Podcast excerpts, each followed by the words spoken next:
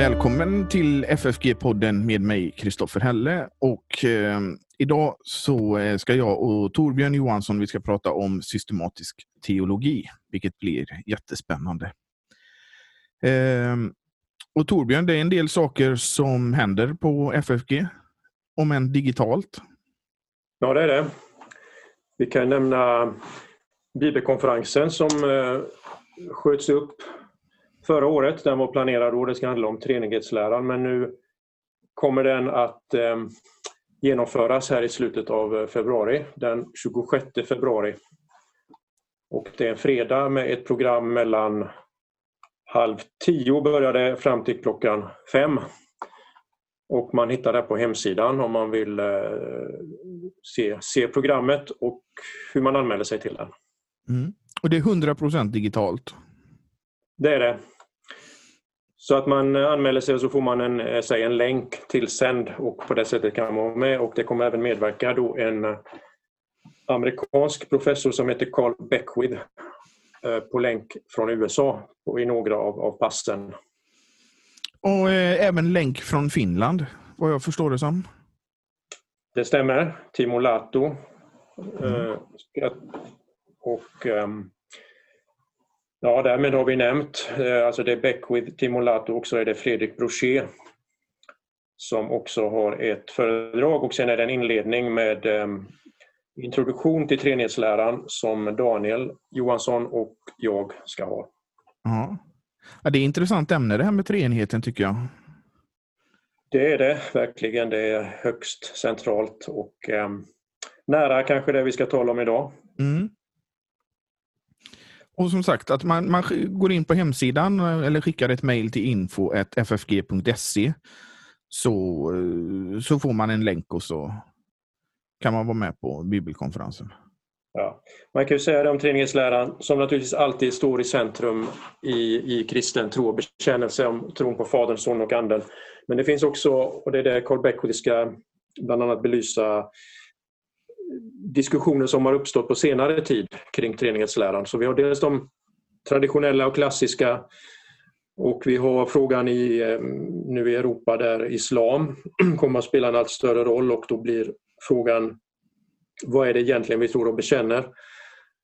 Och sen finns det också inom den eh, vi kan säga, akademiska teologin frågor om hur man ska förstå frågor som är relaterade till treenighetsläran. Så den har en, en eh, en ny aktualitet på olika sätt. Mm. Och, eh, tre enig, det är alltså då tre som är en? Kan man säga. Ordet är väldigt unikt. Tre, en, ja, tre, en. Och om man, det var det jag tänkte nu, vad vi ska komma in på här om en stund, när man tänker eh, termer och begrepp som man använder i teologin och kanske särskilt i systematisk teologi är ju begrepp som Eh, för det allra mesta är hämtade från, från skriften, men inte alltid. Och det kanske mest kända icke-bibliska som vi ändå använder mycket och, och generellt då, det är ju ordet treenighet, treenig, tre och en. Så man säger där att Gud är eh, det är inte månggudadyrkan som anklagelsen är till exempel från, från islam, utan det är tro på en Gud men det är heller inte bara att denne dyker upp i tre olika skepnader utan det är verkligen tre olika personer. Och där har vi nästa begrepp som inte är bibliskt men som man använt i, i teologin för att uttrycka att Fadern, Sonen och Anden eh, inte bara är uppenbarelseformer utan att de faktiskt eh, är distinkta. Så den dogmatiska teologiska formeln blir ju då att Gud är eh, ett väsende och en substans och tre personer. Una substantia tres personae, som man säger på latin. Ja, det stämmer. Ja. Och där kan jag också bara få nämna att vi har nu eh, vår nästa småskrift på gång här i, i manusform som Daniel Johansson arbetar med. Och vi hoppas den ska komma ut framåt sommaren. Men det är just om detta, nämligen hur, vilka bibelbelägg vi, vi, vi bygger detta på att Gud är en och samtidigt bekänner att Jesus är sann Gud. Och när man bekänner att Jesus är sann Gud, då är man rakt inne i alla eh, diskussioner som rör treenighetsläran. Mm. Ja, det är, det är intressant. Och vill man veta mer om sånt här, då kan man ju också ansöka till FFG, eller hur? Ja, så det är, mm, vi har ju intag vartannat år på den eh, treåriga utbildningen. Man kan också läsa första året. Det kallas för ett teologiskt basår. Då man går igenom alla ämnena egentligen eh, första året och sen fördjupas de årskurs 2 och 3. Och till detta är det som sagt intag här på församlingsfakulteten vartannat år. Och nu eh, är det då dags att ansöka inför höstterminen. Så det skulle jag gärna vilja lyfta fram och eh, hälsa välkommen för den som vill läsa teologi här. Och eh, ja, Det är väldigt givande att läsa teologi och det är flera olika saker man kan göra. Och, eh, det är också att se vad Gud vill och vad eh, som kan växa när man läser teologi. Mm. Det, det är en kallelse i sig. Alltså, jag tänker när Jesus säger att skörden är stor men arbetarna är få så går det direkt vidare att eh, bed därför skördens Herre att han sänder arbetare till sin skörd. Och det här rymmer många slags arbetare men om vi nu tänker just på eh, Guds ords förkunnare, präster, pastorer som eh, på ett särskilt sätt ska fördjupas så så kanske man inte alltid vet det när man eh, kallas men man kan ha en kallelse att, att fördjupa sig, skaffa mer kunskap i Guds ord, i teologin, i olika aspekter av den. Och sen så går man i tro och så leds det, det fram och, och det, man får också be där att det öppnas och stängs dörrar, att man får tjäna på det stället där man är tänkt. Så det är en del av bönen tycker jag ehm, att tänka att, att det kommer studenter hit och vilka de är, att det får bli den gruppen som, som Gud vill. Eh, och det är en del i, i denna bön att Gud ska sända arbetare till sin skörd. Mm. Och hur gör man om man vill ansöka? Då går man också in på hemsidan och så står det där, man kan ta kontakt här med, med vår eh, som har hand om det är Jakob Appell eller eh, till expeditionen så blir man liksom slussad vidare och får hjälp med vad, hur man ska göra, gå vidare med sin ansökan. Mm. Så kontakta är steg ett. Ja. Mm. Och det, det, det, är alltså då hemsidan ffg.se. Ja. Och eh, om man vill bidra till eh, församlingsfakultetens arbete och poddens arbete då kan man ju göra det också, eller hur? Det kan man göra. Och det är vi väldigt tacksamma för, allt stöd som vi får. Och jag vill gärna där också stryka under hur viktigt det är för oss. Man kan bidra uh, antingen via hemsidan där det finns uppgifter om bankgiro och, och så här, eller Swish som uh, ja, det står också på hemsidan. Annars kan du säga det Kristoffer.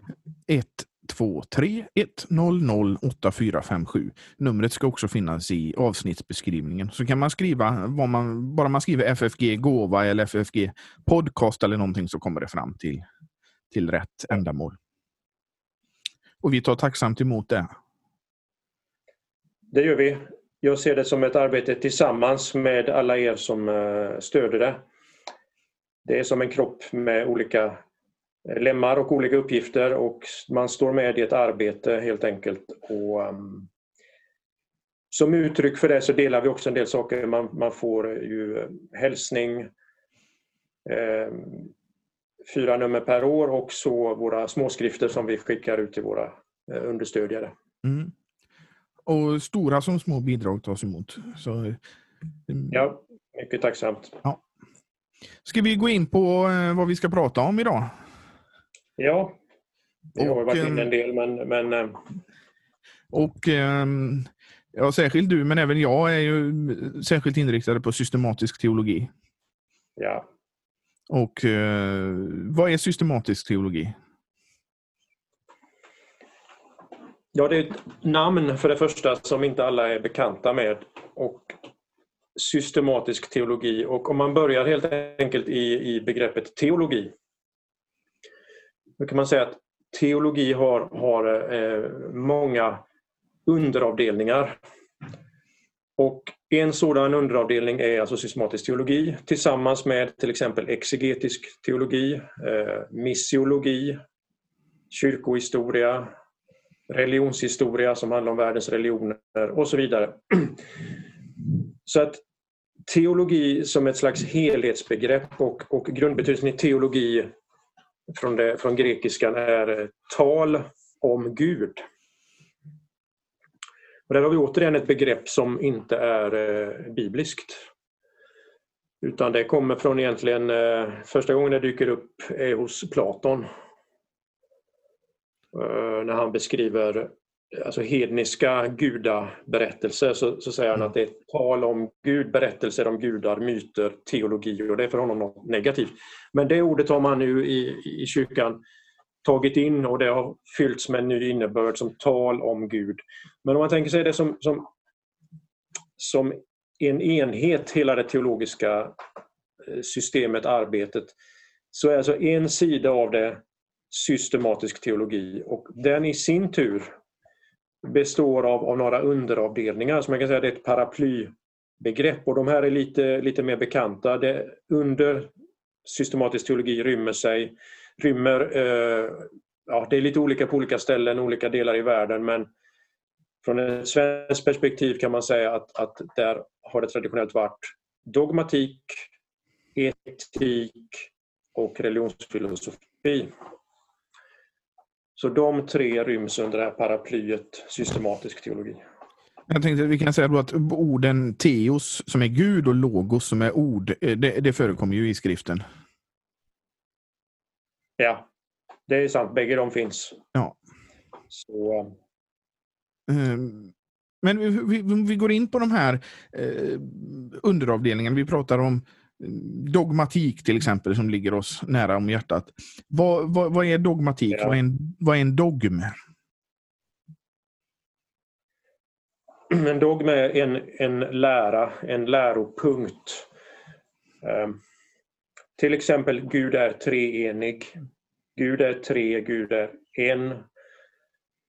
Man kan säga att om man vill ta det lite historiskt så kan man se på, på den apostoliska trosbekännelsen som en slags första kort sammanfattning av vad den kristna tron bekänner. Och i den meningen så är det en, kan vi säga, en dogmatisk framställning. Man har från Bibeln sammanfattat den i tron på Fadern, Sonen och Anden och så berättat något om de gärningar som vi har i i skriften, alltså från skapelsen, frälsningen, helgelsen, kyrkan. Så att man har helt enkelt sammanfattat det i en bekännelse och om man tänker bekännelse och dogmatik så är det där ur dogmatiken kommer, ur de här bekännelserna som sen utvecklas allt eftersom århundradena går. Mm. Och, eh, när vi kommer till luthersk dogmatik som, som, som vi är intresserade mm. av så har vi ju ett 500-årsjubileum i år. Ja, en av dina kursböcker. Ja, det är alltså äh, Låsi kommunes av Philip Melanchthon 1521 som räknas som den evangeliska kyrkans första dogmatik, alltså inte första bekännelse för att det är ju viktigt att eh, framhålla där att de anknyter till fornkyrkans bekännelser. Och till exempel i Augustana så vill ju Melanchthon först visa att man eh, bejakar och accepterar bekännelserna från fornkyrkan, den apostoliska, nicenska och den atanasianska.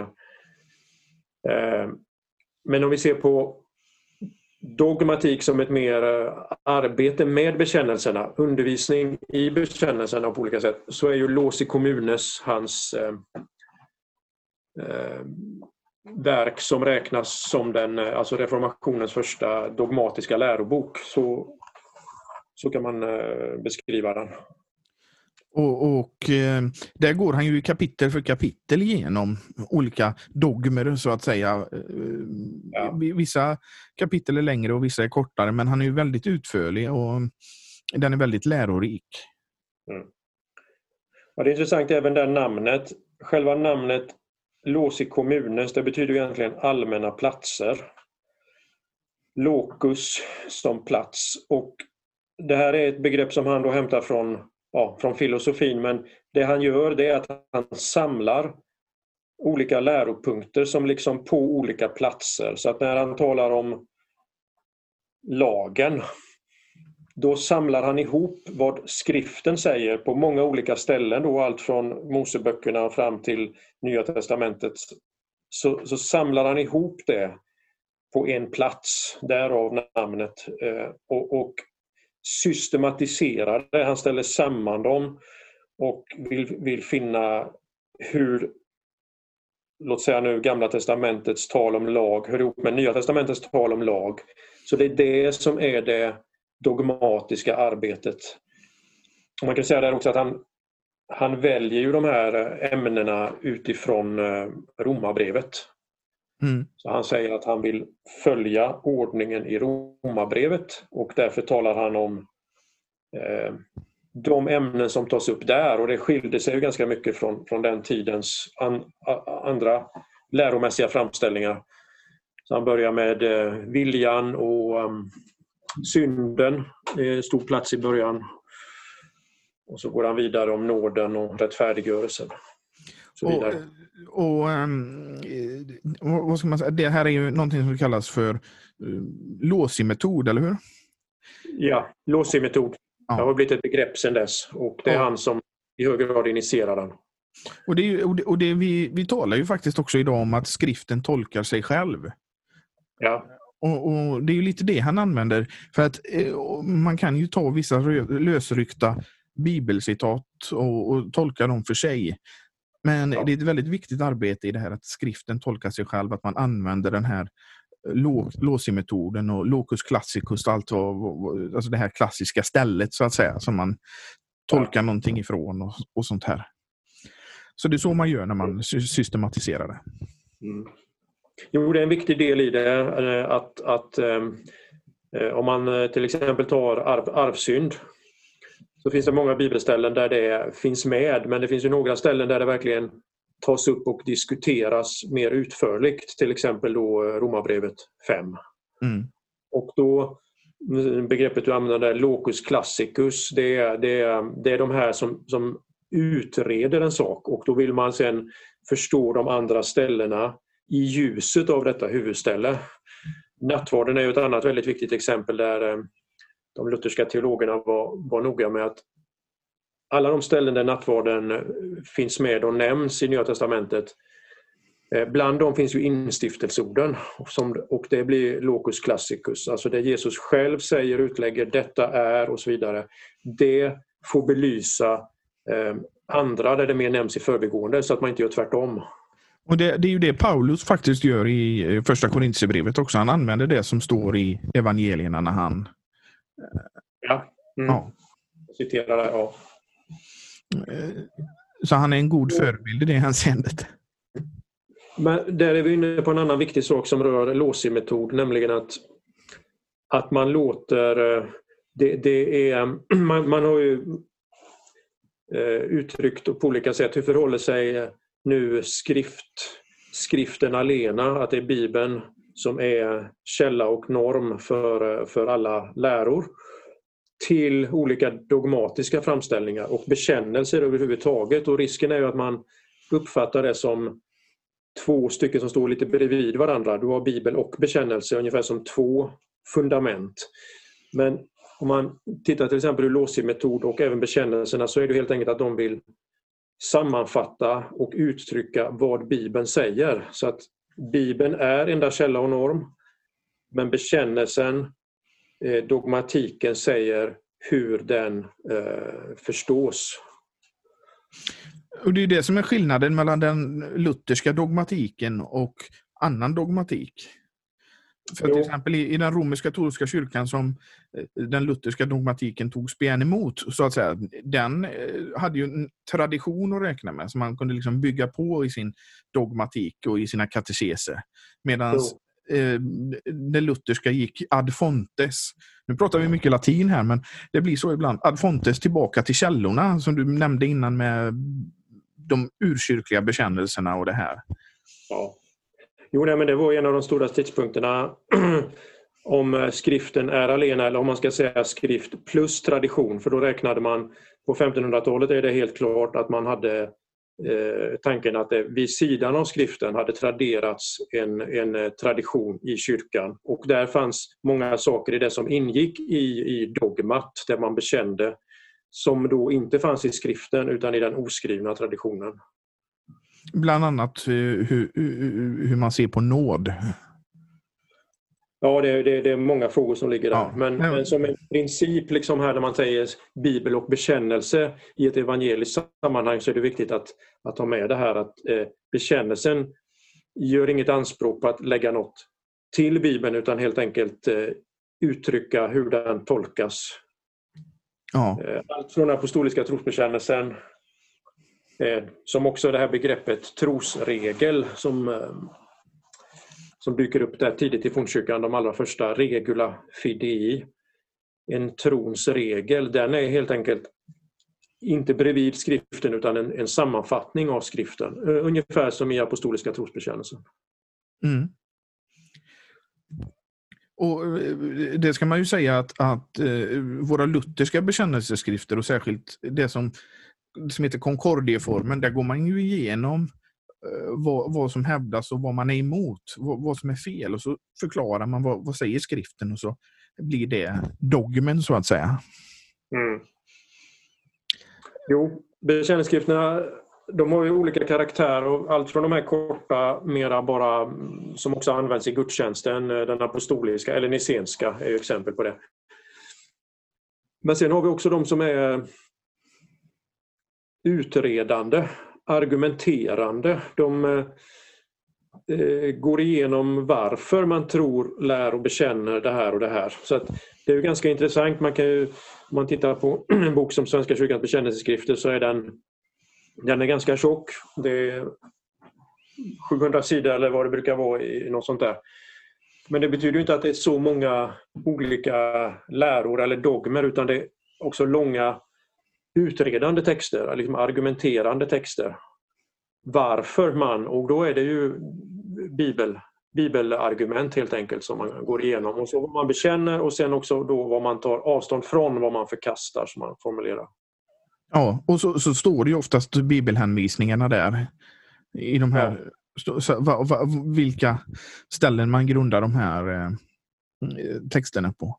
Sen kanske vi ska eh, göra ett... Du, du sa nu Svenska kyrkans bekännelseskrifter. Mm. Och eh, Sverige måste ju alltid vara lite unika. Alltså, svenska, det, det, Svenska kyrkans bekännelseskrifter, det är Concordieboken med Uppsala mötes beslut. Ja, det stämmer ju. Och i andra lutherska kyrkor så säger man bara Concordieboken. Ja. Det är sant. Och... Jag, jag tror att mm. Svenska kyrkans bekännelseskrifter är den bok som har varit kurslitteratur i flest kurser på FFG. Ja, det stämmer nog.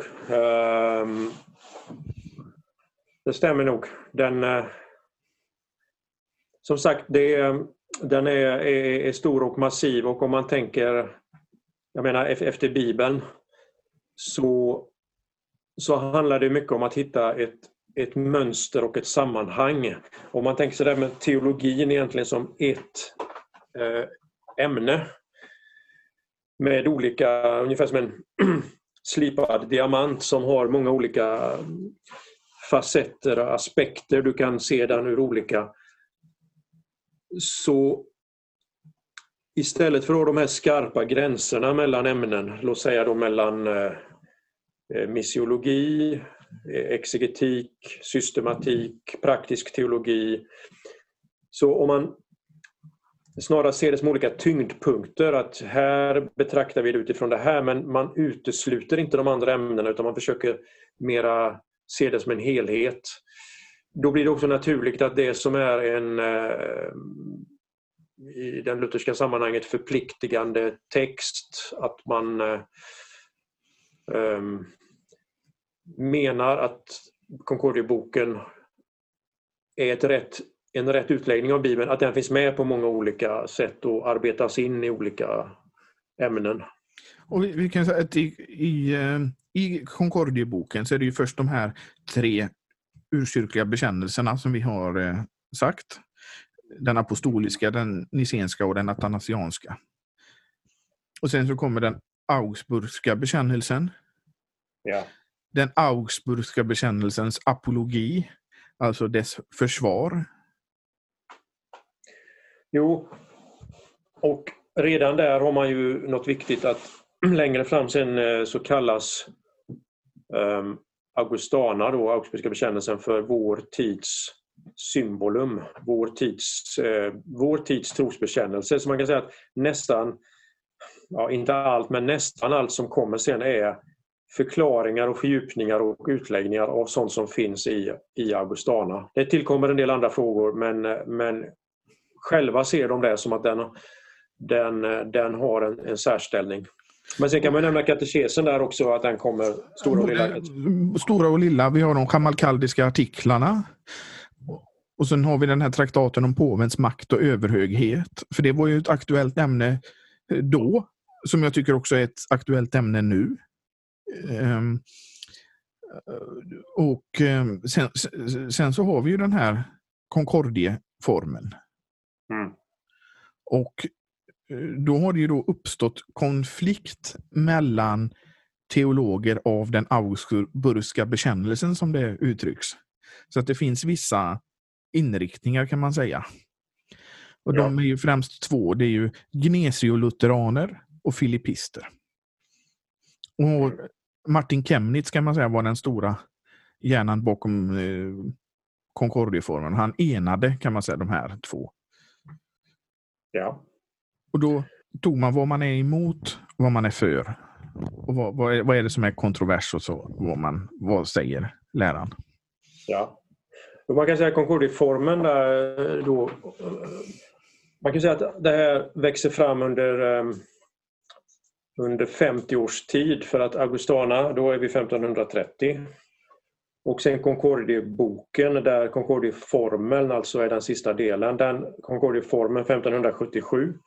Concordieboken eh, 1580 då den undertecknas och liksom antas och är, är sammanställd så från 30 till 80, 50 år och däremellan har det hänt mycket och jag tycker det är intressant det sista här.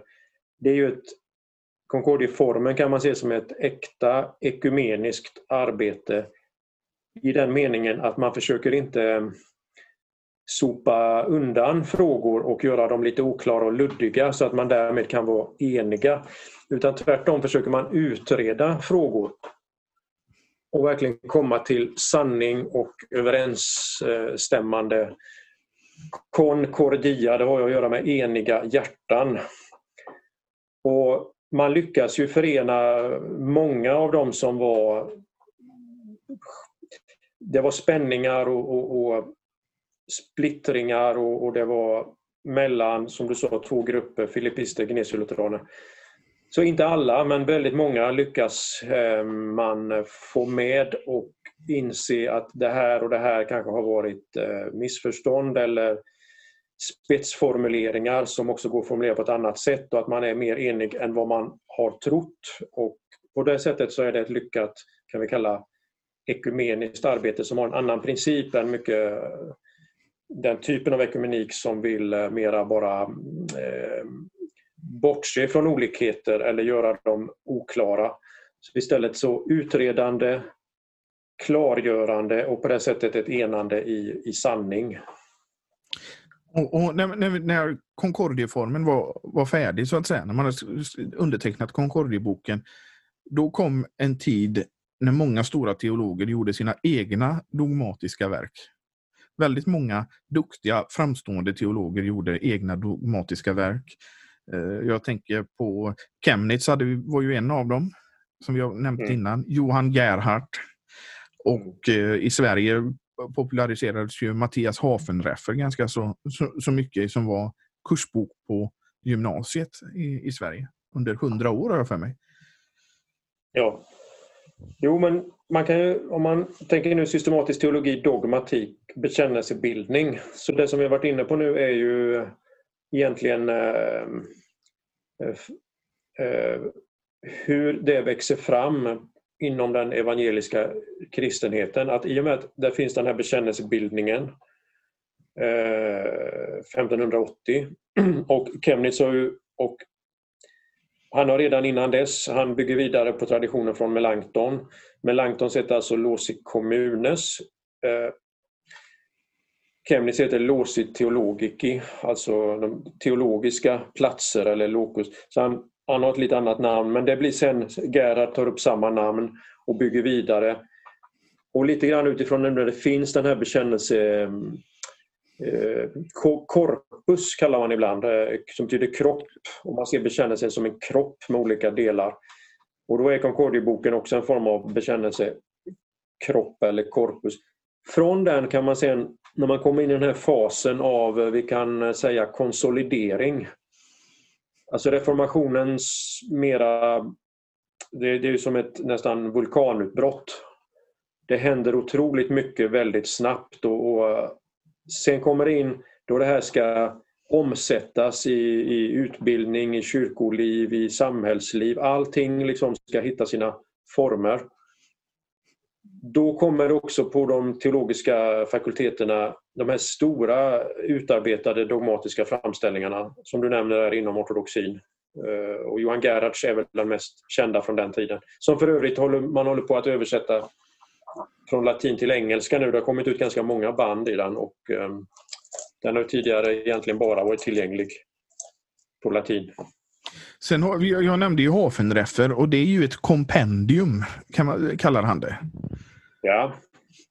Jo, men Hafenreffer är också en tysk teolog från Tübingen och, och han skrev också ett större sån här eh, helhetsframställning kan man säga, en stor dogmatisk framställning och av den gjorde man ett kompendium, alltså en sammanfattning som på olika vägar hittade vägen då ända till, till eh, här i norr.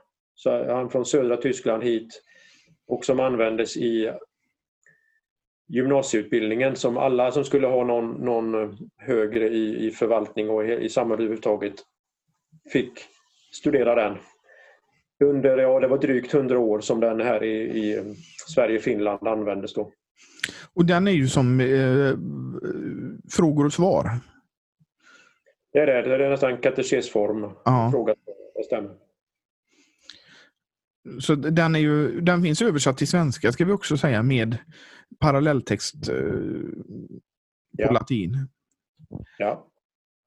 Så jag tror till och med att den finns att köpa på FFG om inte jag minns fel. Det gör den och det... Nej men eh, just som en, ibland kallar man någonting för en normal dogmatik.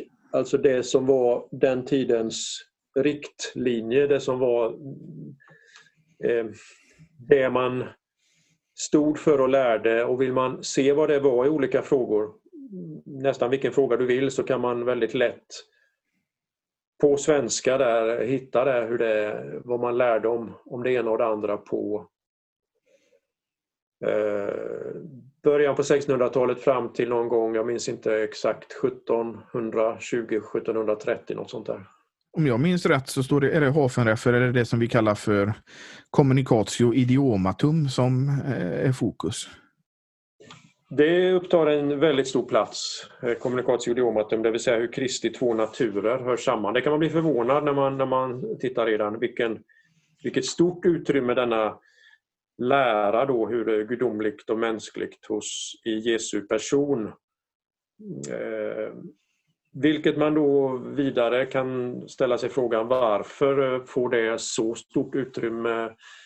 Ja, det väcker massa intressanta frågor. Mm.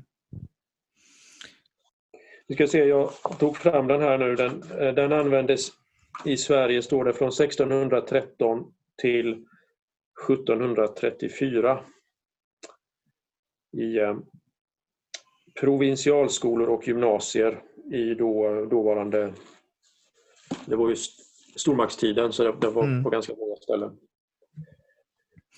Och, och efter det, ortodoxin gick vi in i pietism och de här stora dogmatiska verken, det var inte samma sak eller liksom så på, påtagliga längre. Men jag tycker ett annat viktigt dogmatiskt verk, som vi, om vi, nu när vi har nämnt några, så får vi nästan nämna eh, Piper och Müller. Mm. Mm. För, för våra lutherska, och det är ju eh, Missouri-synodens eh, dogmatik kan man väl uttrycka det som.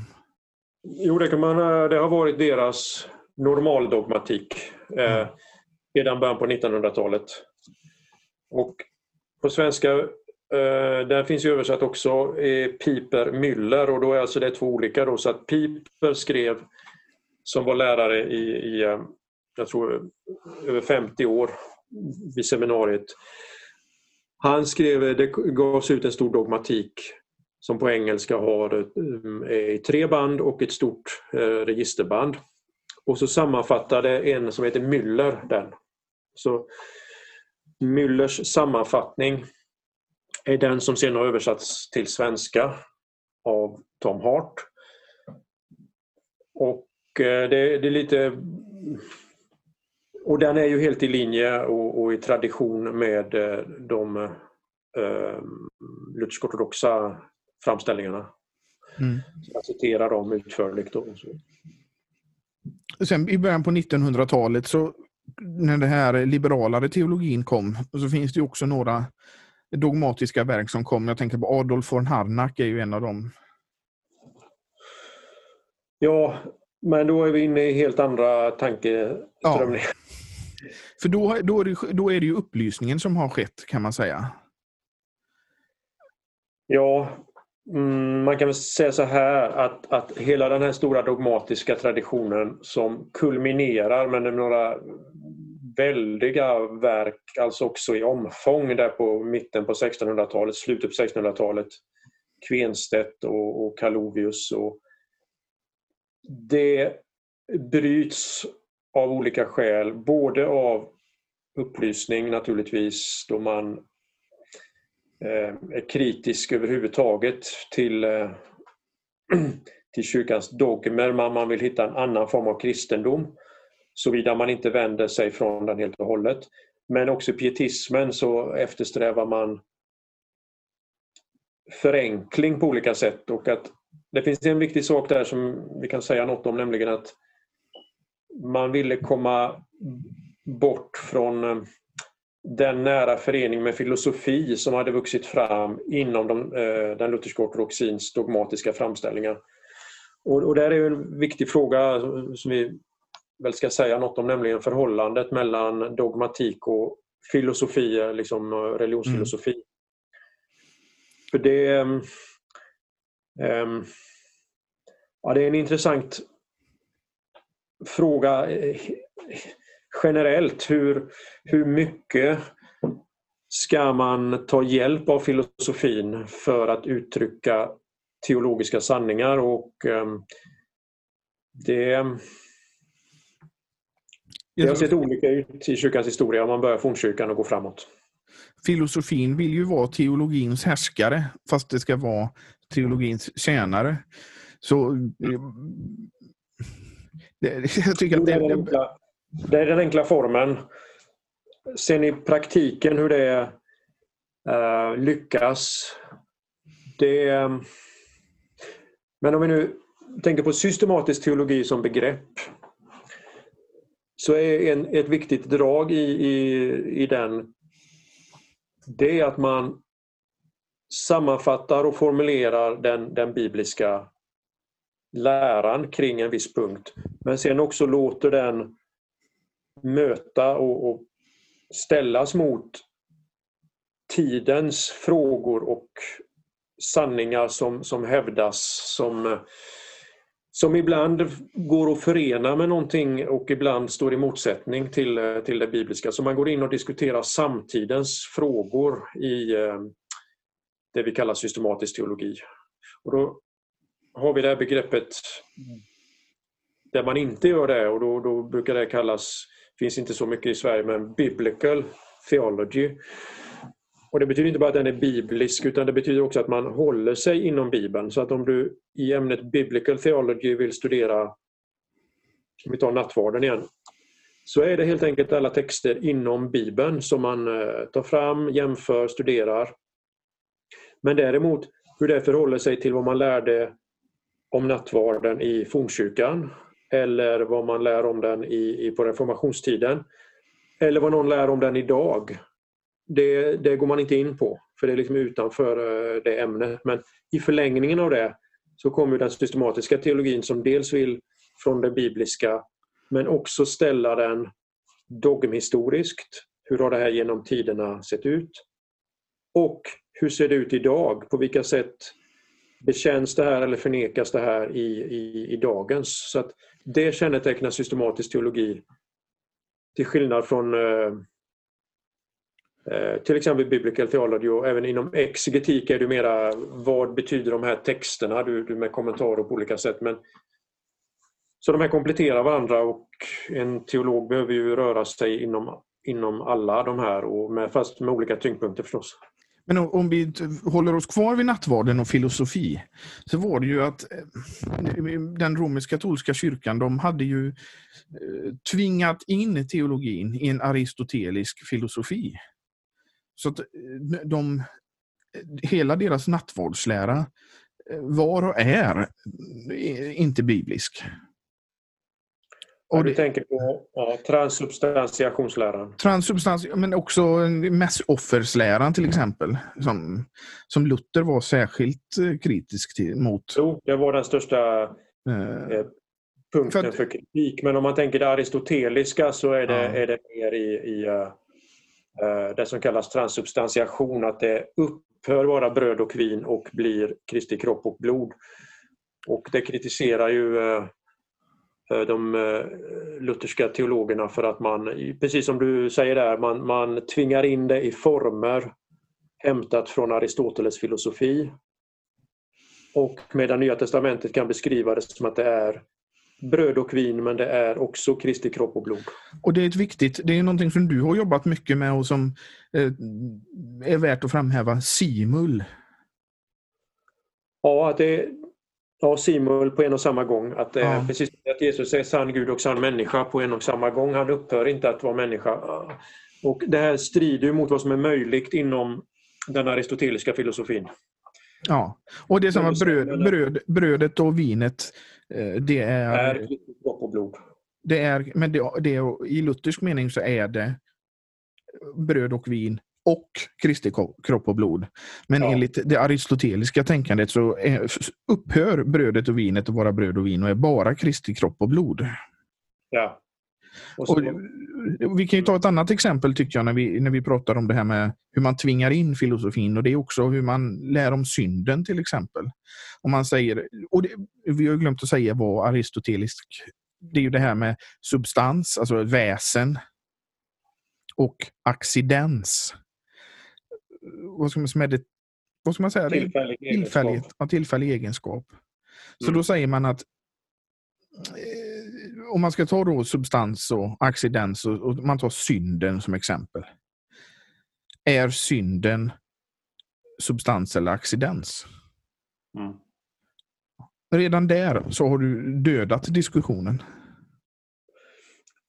Ja, man, för in, man för in den på på vägar och på, i frågeställningar som kan vara främmande för, eh, för Bibeln. Och det kan man göra på ett sätt om man vill men då får man också vara beredd att säga att, att det här svarar inte, om vi nu tar någon annan fråga, att, att det här leder inte till, det, det svarar inte på, på de frågorna vi, vi kan ställa. Men lite grann det att man belyser bibliska sanningar utifrån filosofiska frågeställningar det har man gjort, men så länge man inte låter det tvingas in i, i, i ett filosofiskt system så kan det, vad man säga, man kan upptäcka någonting i, i det bibliska som man inte har sett förut. Ehm, men, men ofta i teologihistorien har det blivit att man har eh, det här med härskarinna och tjänarinna, att filosofin istället har blivit härskarinnan som säger vad som är möjligt och inte möjligt och så blir det väldigt krystade bibeltolkningar. Men eh, om vi, om vi ska lyfta fram någonting som jag tycker är, är eh, liksom förtjänstfullt med eh, inom filosofi, religionsfilosofi, så är det till exempel det här med horisont, tycker jag är eh, att, att, att det, är, det, är ett förtjänstfullt sätt att använda filosofin. Det tycker jag, att man har en horisont, man kan bredda sin horisont och se större saker. Mm. Jo, och för att nu återknyta bara till eh, det vi sa om ortodoxin, att de tog ju filosofin i, i, i bruk, den aristoteliska filosofin, på ett sådant sätt att, att de ställde frågor med hjälp av den. Det var det jag menade. De använde till mm. exempel eh, när, när man frågar vad någonting är, om du ska beskriva vad någonting är, så hade ju Aristoteles ett, ett sätt att fråga, alltså han beskrev det med hjälp av olika orsaker som vi inte ska gå in på nu, men varifrån något kom och vad som gjorde det till det var, vad var dess syfte, vad var dess material. Alltså han hade olika sätt att beskriva ett ting utifrån orsaker. Och Det här tog man in i teologin och då, det var helt enkelt ett, ett instrument som inte skulle påverka innehållet, saken, utan ett sätt att beskriva saken och få den utredd. Och ibland så tvingade det här också in det i, i frågeställningar som var ofruktbara. Och det var lite det som det sen kom en reaktion mot. Att det blev väldigt, särskilt i senare ortodoxi, så blir det formalistiskt, att man följer vissa av de här mallarna i de här stora dogmatiska verken. Och det kom nytt helt enkelt. Det bröt fram nya förenklade framställningar och, och ja, det, det, du säger om orsak, det kanske vi ska säga att det, det kallas kausa på, på teolog, teologispråk. Om det är någon som har hört det innan så, så är det det som eh, kausa. Det är väldigt mm. Eh, vanligt.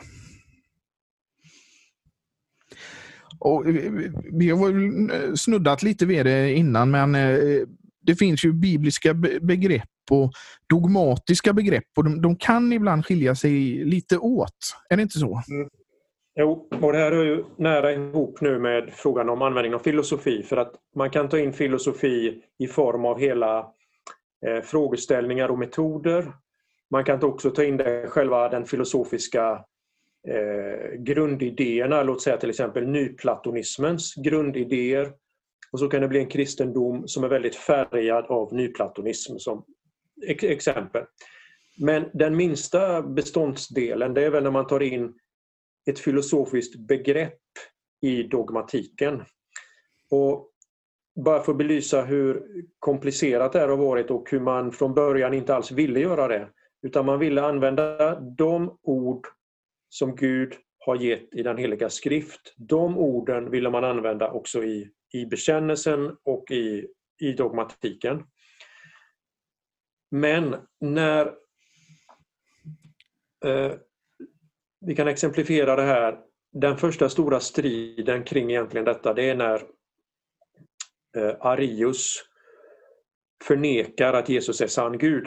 Arius kunde då säga att Jesus är Gud men med det menade han inte den högste guden. Han kunde säga att han var Herre men inte att han var den högste Herren. Och för att komma åt det här, det var det som låg bakom kyrkomötet i Nicea 325 så tar man då in ett filosofiskt begrepp som är ett grundord just i Aristoteles filosofi för övrigt, nämligen osia, väsen. Och Det är det som vi bekännelsen har, av samma väsen, det heter homo osios. Men om man ser hur det för då kom man åt Arius. Då fick man fram att Jesus är av samma väsen som Fadern. Han är ett med Fadern. Men om man ser hur det växte fram där så var man väldigt motvilliga från nu den, den ortodoxa sidan att, att ta in det här begreppet för man, man ville hålla sig till skriftens ord. Alltså ord som Gud själv har gett för att uppenbara sig själv. De var det tryggaste att hålla sig vid.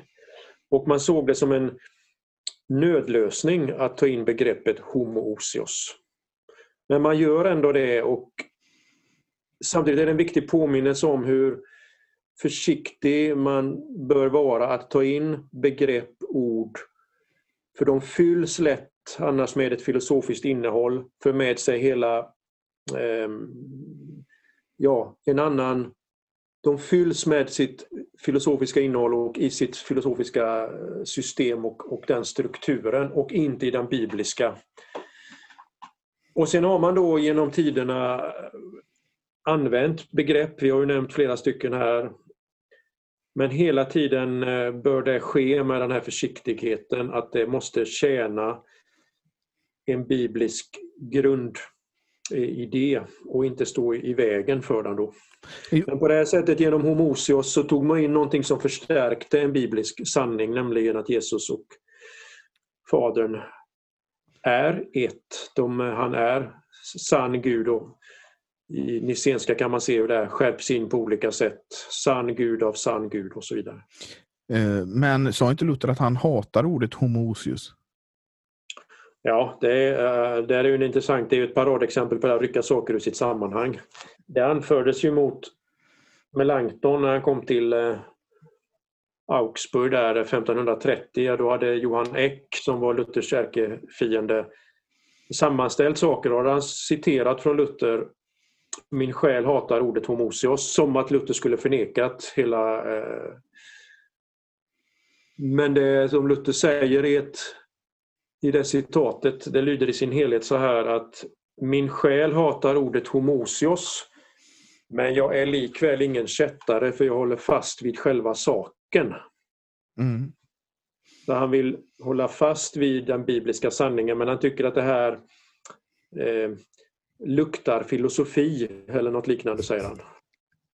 Så att saken, och det här kan hjälpa oss att få fram saken men det visar återigen hur eh, hur man ville hålla sig nära skriften i den evangeliska dogmatiska traditionen där som den växer fram. Och Oswald Bayer har sagt en, tycker jag, träffande sak att om man ser på den tidiga lutherdomen, Luther själv, så säger han att teologi är skriftutläggning. Mm. Och då stannar man inte bara vid att lägga ut utan man låter också möta samtiden. Så man säger hur Luther lägger ut skriften och hela tiden låter det möta samtiden då är det, det är systematisk teologi. Mm. Jag stoppar dig där nu och så säger jag att, till våra lyssnare att vi kommer fortsätta det här samtalet, jag och Torbjörn. Och nästa gång så kommer vi gå in på hur den här dogmatiken omsätts i praktiken i den eh, kristens liv. Och Vi kommer prata mer filosofi och vi kommer prata etik. Eh, så eh, Torbjörn, det blir fler avsnitt av det här. Ja, det ser jag fram emot. För det är viktigt att få med de här bitarna du sa, hur detta nu leder över i faktiskt att spela roll i den enskildes liv och i den enskilda församlingens liv, i kyrkans liv. Ja, det får inte bli en, en eh, akademisk ensak hur man ser på det här utan det måste ju på något vis ha en verkan i, i kyrkan och i den kristnes liv.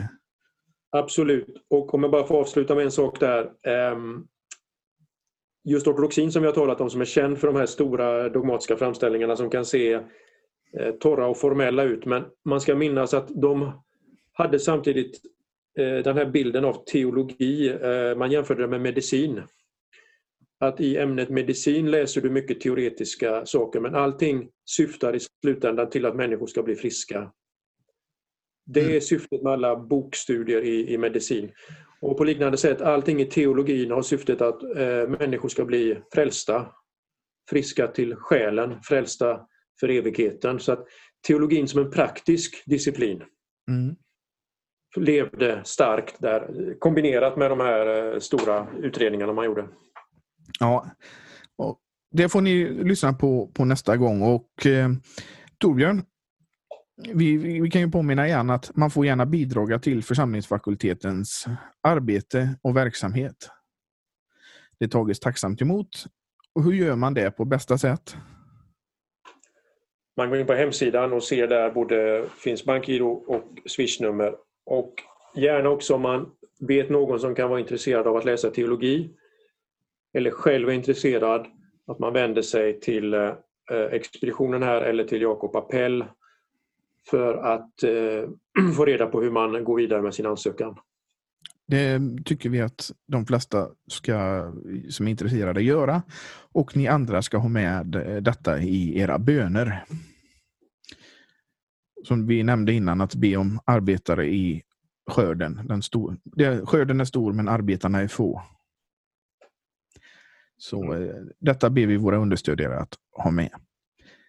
Och eh, då säger vi väl så Torbjörn att det, det, vi fortsätter nästa gång. Vi fortsätter. Mm. Då eh, säger vi på återhörande till våra lyssnare. Hej då!